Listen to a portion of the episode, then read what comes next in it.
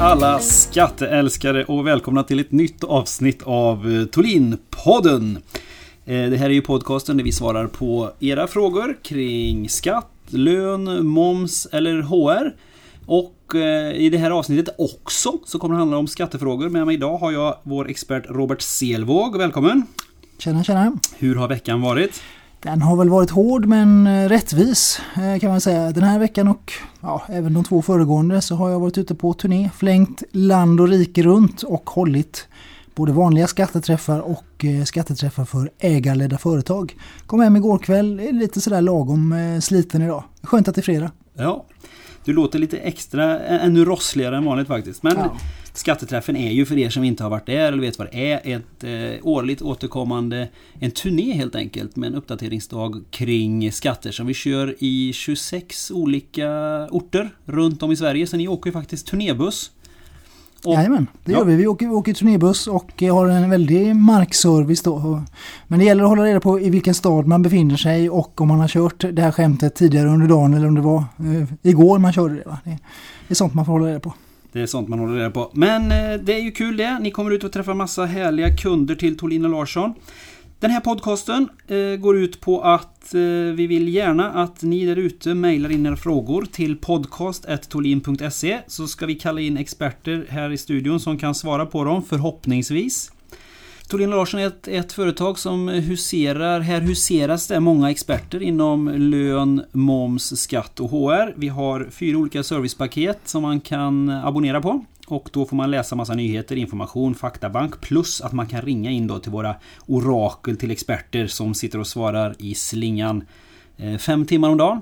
Mm, stämmer gott. Det är en av, en av de roligaste arbetsuppgifterna man har faktiskt. För att det är en sån grym spännvidd på frågor. Det kan vara allt ifrån eh, rena konteringsfrågor till svåra omstruktureringar och så vidare. Så man vet aldrig riktigt vad som väntar i andra änden när det, när det plingar till i telefonen. Nej. Det är bra. Och vill ni testa detta om ni inte redan är kunder och vill testa att, eh, hur det är att vara abonnent på ett servicepaket. Gå in på tolin.se produkter och så klickar ni er vidare ner där så ser ni att ni kan fylla i era uppgifter och så får ni prova i en månad faktiskt. Så ganska länge ni hinner ringa och ställa en massa frågor. Förra veckan så efterlyste vi frågor in till podcasten och vet du vad? Vi har fått inte mindre än två stycken frågor. Och detta är ju stort för oss. Det är jag och min kollega Gustav som sitter och, har koll på det här eh, eh, podcast.tolin.se mailkontot och jag satt här inne och hade ett förtroligt samtal med en kollega. Då hör jag bara hur det bara vrölar till i eh, Gustav som har grannkontoret här. Då har vi fått vår första fråga. Och det var Hans i Stockholm som hade skickat in en fråga. Den lyder så här. Hej! Hur beskattas en fysiker som säljer ett bostadsrättsgarage? Min spontana reaktion här måste jag säga, jag kan ju inte mycket om skatt, det är lite det som är dynamiken i podden här. Eh, Jag kan inget, ni kan massa. Var ju att det här är någon Kalle Sändare typ som håller på och driver med oss, eh, Hans här alltså. Eh, Vad har en fysiker med saken att göra? Vore det skillnad om det var en kemist och så vidare? Eh, Så jag höll på och svara haha med vändande post där. Men sen gick jag ut och började förhöra mig lite i gångerna här och då, då var det ju ingen som reagerade på detta med fysiker utan folk började helt enkelt att grubbla öppet kring det här med bostadsrättsgarage och frågade men hallå vad har fysiker med saken att göra? Är det någon skillnad om man var tennisspelare eller Eller? Mm. Nej, det hade inte gjort någon större skillnad utan det är ju en fysisk person. Alltså det är det som är det avgörande för, för oss. När det, ibland är det väldigt, stor skillnad i skatteregler om det är en juridisk person, det vill säga ett, ett bolag, eller en eh, fysiker då, en fysisk person, en vanlig levande människa då, som, som har gjort någonting. Ja. Och eh, Hans här i alla fall då, underbart. Vår eh, första eh, fråga här. Eh, undrade hur eh, en fysiker då beskattas som säljer ett bostadsrättsgarage. Och du har till och med varit i kontakt med Hans för att reda ut ett och annat här va? Jajamensan, för att det kan, det kan finnas lite olika varianter. Min första tanke var att det kanske rörde sig om en eh, garageförening, att man sålde en andel i en garageförening. Det, det finns ju en andel i någon sorts ekonomisk förening. Men det var det inte, det rörde sig om ett eh, garage som hade köpts ut från en bostadsrättsförening. Och då skulle väl jag spontant säga, utan att vara helt, helt eh, hundra faktiskt, eh, för det kan man ju aldrig vara när det, när det gäller skatt, att det rör sig om en eh, näringsfastighet. Jag har ju svårt att se att det här garaget uppfyller kraven på att vara då en privat eh, bostadsfastighet. För det, det ska ju då vara taxerat som småhus. Och det tror jag inte att det är. Så där tror jag att det brister och därmed så skulle jag då säga att det, det rör sig om en, en näringsfastighet. Det blir alltså blankett K7 som, som eh, man fyller i och tar upp då som, som ingångsvärde vad man en gång i tiden betalade när man köpte ut det här garaget från föreningen. Och så tar man upp försäljningsintäkten och ser till att göra avdrag för förbättringskostnader då enligt gällande regler. Men eh, förmodligen då blankett K7, försäljning av en eh, näringsfastighet skulle jag säga. Då vet vi det och vi fick ytterligare en fråga av eh, ganska avancerad karaktär visade det sig. Jag trodde detta var en enkel ja eller nej fråga men så är, riktigt så enkelt tror jag inte det är. Eh, den kommer från Eva, även hon skriver från Stockholm och hon skriver så här. Eh, tjänstepension från Luxemburg är temat. Jag har en klient som har varit skatterättsligt utskriven och arbetat i Luxemburg under 15 år. Under tiden har det betalats till tjänstepension som nu vid återflytt till Sverige kan ligga vilande i Luxemburg eller betalats ut och avslutas. Ska pensionen beskattas i Sverige efter hemflytt? Man har enligt uppgift betalat 20% skatt vid inbetalningarna, så kallad upfront. Tacksam för hjälp, Eva. Ja du Eva, det var ingen eh, busenkel fråga det här. Eh, om vi börjar från början då, så den här personen flyttar ju tillbaka till Sverige, blir då naturligtvis obegränsat skattskyldig här för sina världsvida inkomster som man sa förr i tiden. Så vederbörande ska ju ta upp inkomsten här till beskattning. Sen om den kommer att beskattas här eller inte, ja det beror ju på avtalet med Luxemburg. Förmodligen kommer luxemburgarna att vilja beskatta den här utbetalningen också. Så det är ju helt enkelt, eh, det handlar om att gå in och titta i avtalet och se vilket land som har beskattningsrätten och eh, jag har inte hunnit göra det. Jag fick den här frågan i knät eh, idag. Kom som sagt hem sent igår kväll. Men jag ska börja gräva lite i avtalet med Luxemburg och så kommer vi att kontakta dig Eva och naturligtvis kommer vi att berätta svaret på den här cliffhangern i nästa avsnitt av Tolinpodden. Det är sånt här som gör att vi aldrig tappar lyssnare. Precis. En riktig cliffhanger. Du hade ju natten på dig där. Vad... vad... ja, jag hade natten på mig men jag har två små barn också som gör annat än att sova på nätterna. Så att, ja. Så är det. Okej, okay, mm. då tackar vi Eva och Hans för era frågor. Ni är... Eh, det var jättehärligt att få er dem. Vi kör vidare Robert med lite andra frågor som vi har hämtat. Det kan vara gamla frågor folk har ställt här eller på annat sätt. Så vi eh, gör mm. om dem till podd kompatibla frågor. Mm, Här kommer en kring lön, löneväxling. Mm.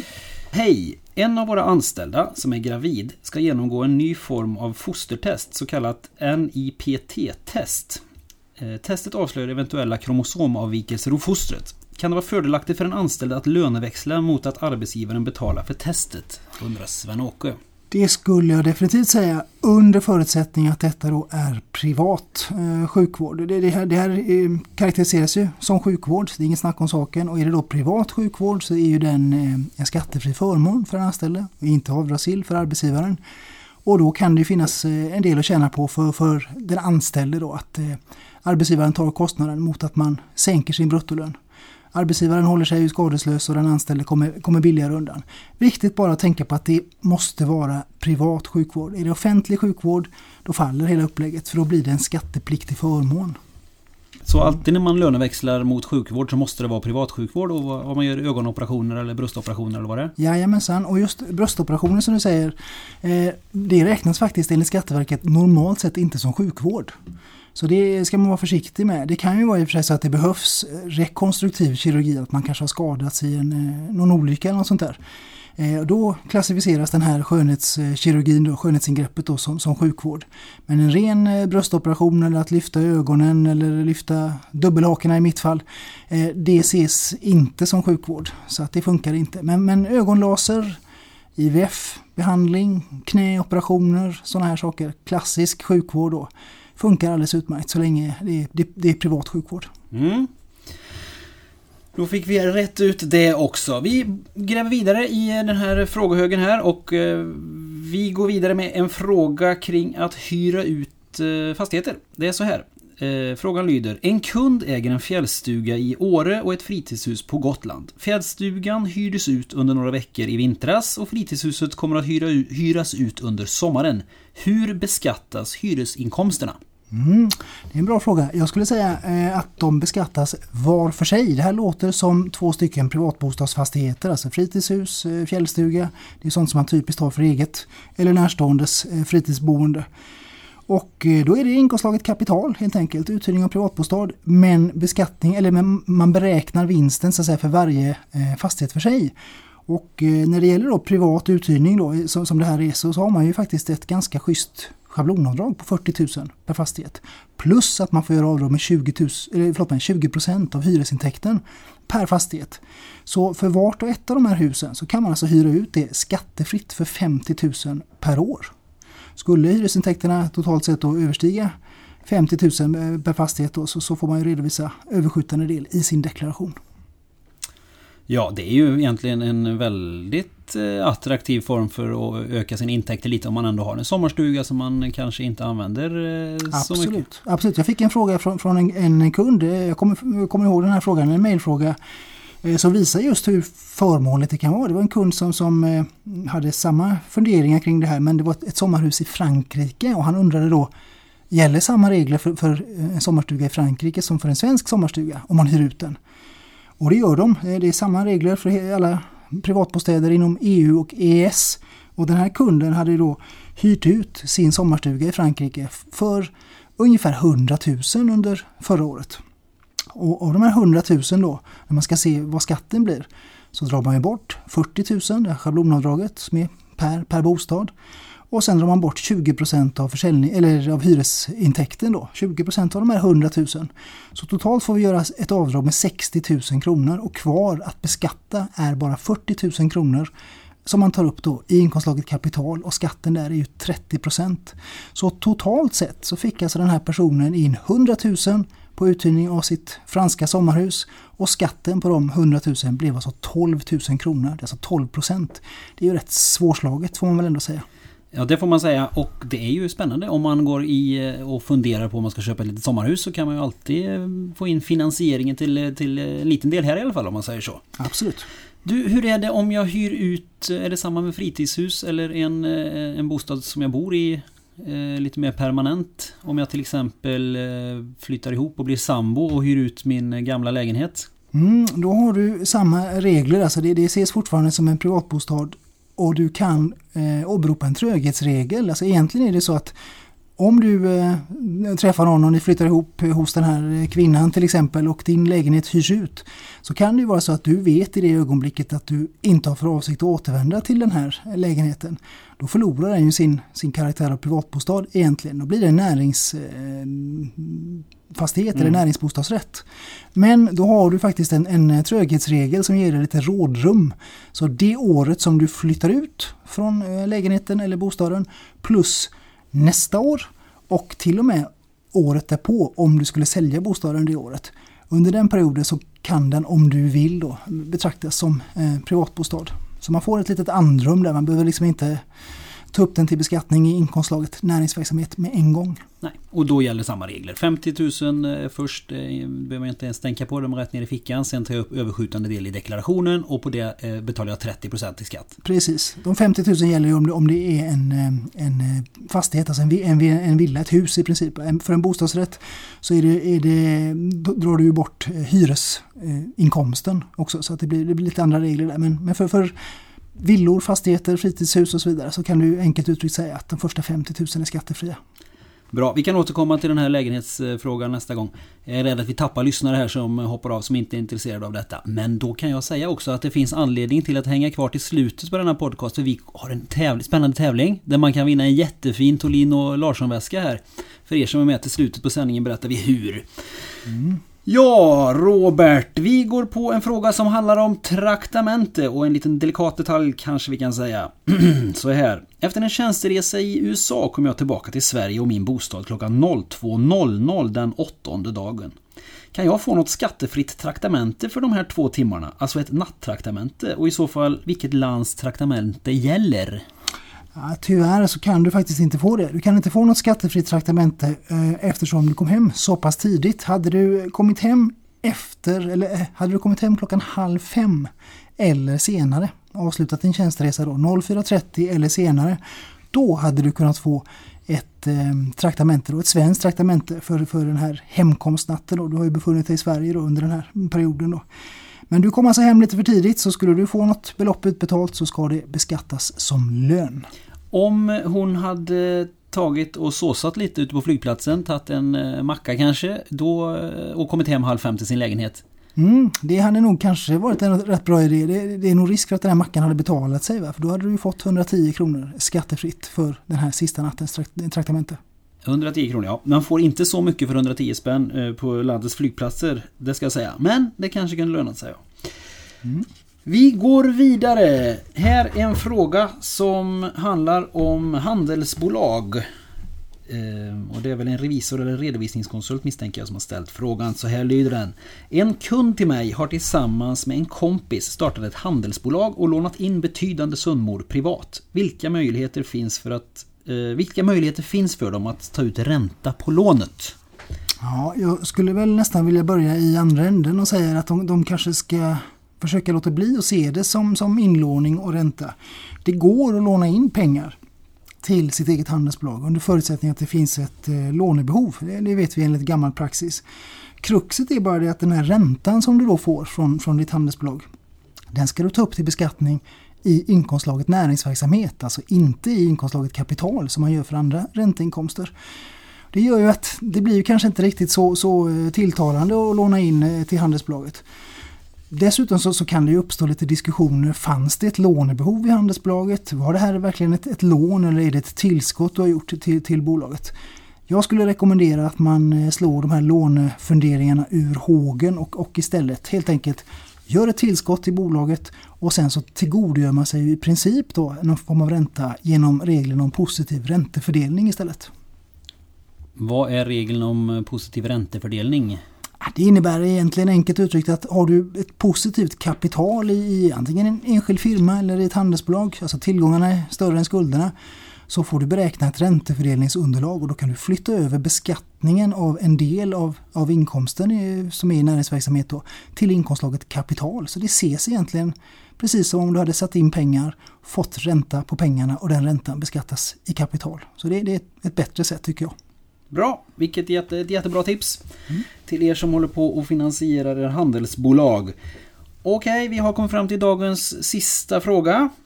Den är av eh, lite privatekonomisk karaktär kanske vi kan kalla det. Så här lyder den. Hej, jag har lånat 100 000 kronor av en kompis och har legat efter med räntor och amorteringar. Ränteskulden uppgår nu till, nu till 20 000 kronor och min totala skuld är alltså 120 000. Jag har kommit överens med kompisen att om jag betalar tillbaka de ursprungliga 100 000 kronorna ska skulden vara reglerad. Kan jag få något ränteavdrag i deklarationen? Måste han ta upp någon inkomstränta? Ja, rätt intressant fråga. För att börja bakifrån så är det ju självklart så att den som har fått en intäktsränta, även om det beror på att man har lånat ut pengar till någon närstående, till någon kompis eller vad som helst, så ska jag naturligtvis ta upp den till beskattning, för den är ju skattepliktig. Och den som har betalt ränta har i regel rätt till avdrag för den också. I det här fallet så, så, så, är det ju lite speciellt. Här har man alltså lånat 100 000 kronor och sen så har man då kommit överens om ränta och räntan har liksom lagts till skulden och nu kan han inte betala. Så nu kommer de överens om att okej, okay, betala tillbaka de ursprungliga 100 000. Då finns det faktiskt ett ställningstagande från Skatteverket som säger att det finns en möjlighet att få avdrag för ränta för den här personen. Skulden nu är ju 120 000 kronor då, varav 20 000 i ränta. Så en sjättedel av hans totala skuld består av ränta. Och då menar Skatteverket att om man inte kommer överens om någonting annat, om de här två filurerna inte kommer överens om något annat, då gör man någon sorts proportionering och när då den här personen löser skulden genom att betala bara 100 000 så kan man alltså anse att en sjättedel av de här 100 000 är ränta. Alltså 16 000, vad blir det? 16 667 kronor mm. är ränta. Om de inte har kommit överens om någonting, de kan ju naturligtvis komma överens om att ja, betala 100 000 varav 10 000 är ränta och 90 000 är, är betalning av det ursprungliga lånet. Ja, då gäller ju naturligtvis det. De kan naturligtvis också komma överens om att eh, vi struntar i räntan. Ger du mig tillbaka mina 100 000 så, så är låter vi udda vara jämnt. Va? Så de avgör själva, men kommer de inte överens om någonting så, så gör man någon form av proportionering kan man säga. Ja, eh, det låter ju som det enklaste är att man stryker alla tidigare avtal och säger att inte någon... För vem tjänar egentligen på detta? Det är ju den, den här, han som har lånat pengar precis, som tjänar på det här upplägget. Precis, kompisen är inte så jättesugen. Kompisen har ju lånat ut 100 000 här, till en god vän och sen så den här god vännen betalar ju inte riktigt. Va? Och sen när, när han får tillbaka 100 000 av kompisen, ja då ska han ta upp 16 och 7 av de pengarna till beskattning i inkomstslaget kapital. Det känns ju inte riktigt kul för den som mm. har lånat ut pengarna. Med sådana vänner behöver man inga ovänner. Nej, lite så. Bra Robert, tack så hemskt mycket för detta. Eh, nu, vi lackar mot jul och nyår och, och, så vidare. Är det något annat du tänker på? Ja, det är så mycket grejer så att det, det, jag kan knappt få med det här. Va? Det, just när vi står inför ett årsskifte, det finns så mycket bra grejer man kan göra. Man kan se över till exempel eh, karensdagarna om man är enskild näringsidkare. Byt till en dags karens, ni som har sju dagar, vilket ju de allra flesta har, av ren slentrian. Finns ingen anledning, så byt, byt, byt så fort som möjligt. Hur byter man detta? Kontakta Försäkringskassan och förhoppningsvis så har man då inte fyllt 55 för då är det kört, de är för gammal. Kontakta kassan och säg att jag vill ha en karensdag, inte sju karensdagar. Då får man eh, till en blygsam merkostnad ett mycket, mycket, mycket bättre skydd. Finns andra saker man kan göra också så här vid årsskiftet men som sagt det får vi ta i ett annat forum. Det får vi göra. Ni kan ju som sagt signa upp på ett, eh, ett abonnemang och ringa in och fråga eh, Robert vad ni tycker eh, han tycker ni ska göra. Mm. Men du sa att en blygsam avgift för den här minskade antalet karensdagar. Hur betalar man den? Kommer det på skatten? Eller ja det precis, det kommer på skatten. Det är ju egenavgifterna som man betalar. Så att ju mer du tjänar i din enskilda firma desto högre, mm, så mer betalar du då. Du betalar ju egenavgifter på i runda slängar kan vi säga 30 procent. Och du får en liten, liten bonus om du tar fler karensdagar. Man kan ju ta uppemot 90 karensdagar. Det finns ju ingen som helst anledning att spara några få kronor i, i, i lägre avgifter på att vara helt utan eh, skydd om man skulle bli långvarigt sjuk. Så, så fort ni kan, ta en karensdag, det är mitt råd. Gör det, gör det nu! Ta mm. kontakt med Försäkringskassan och fixa en karensdag om du är enskild näringsidkare bara. Just det.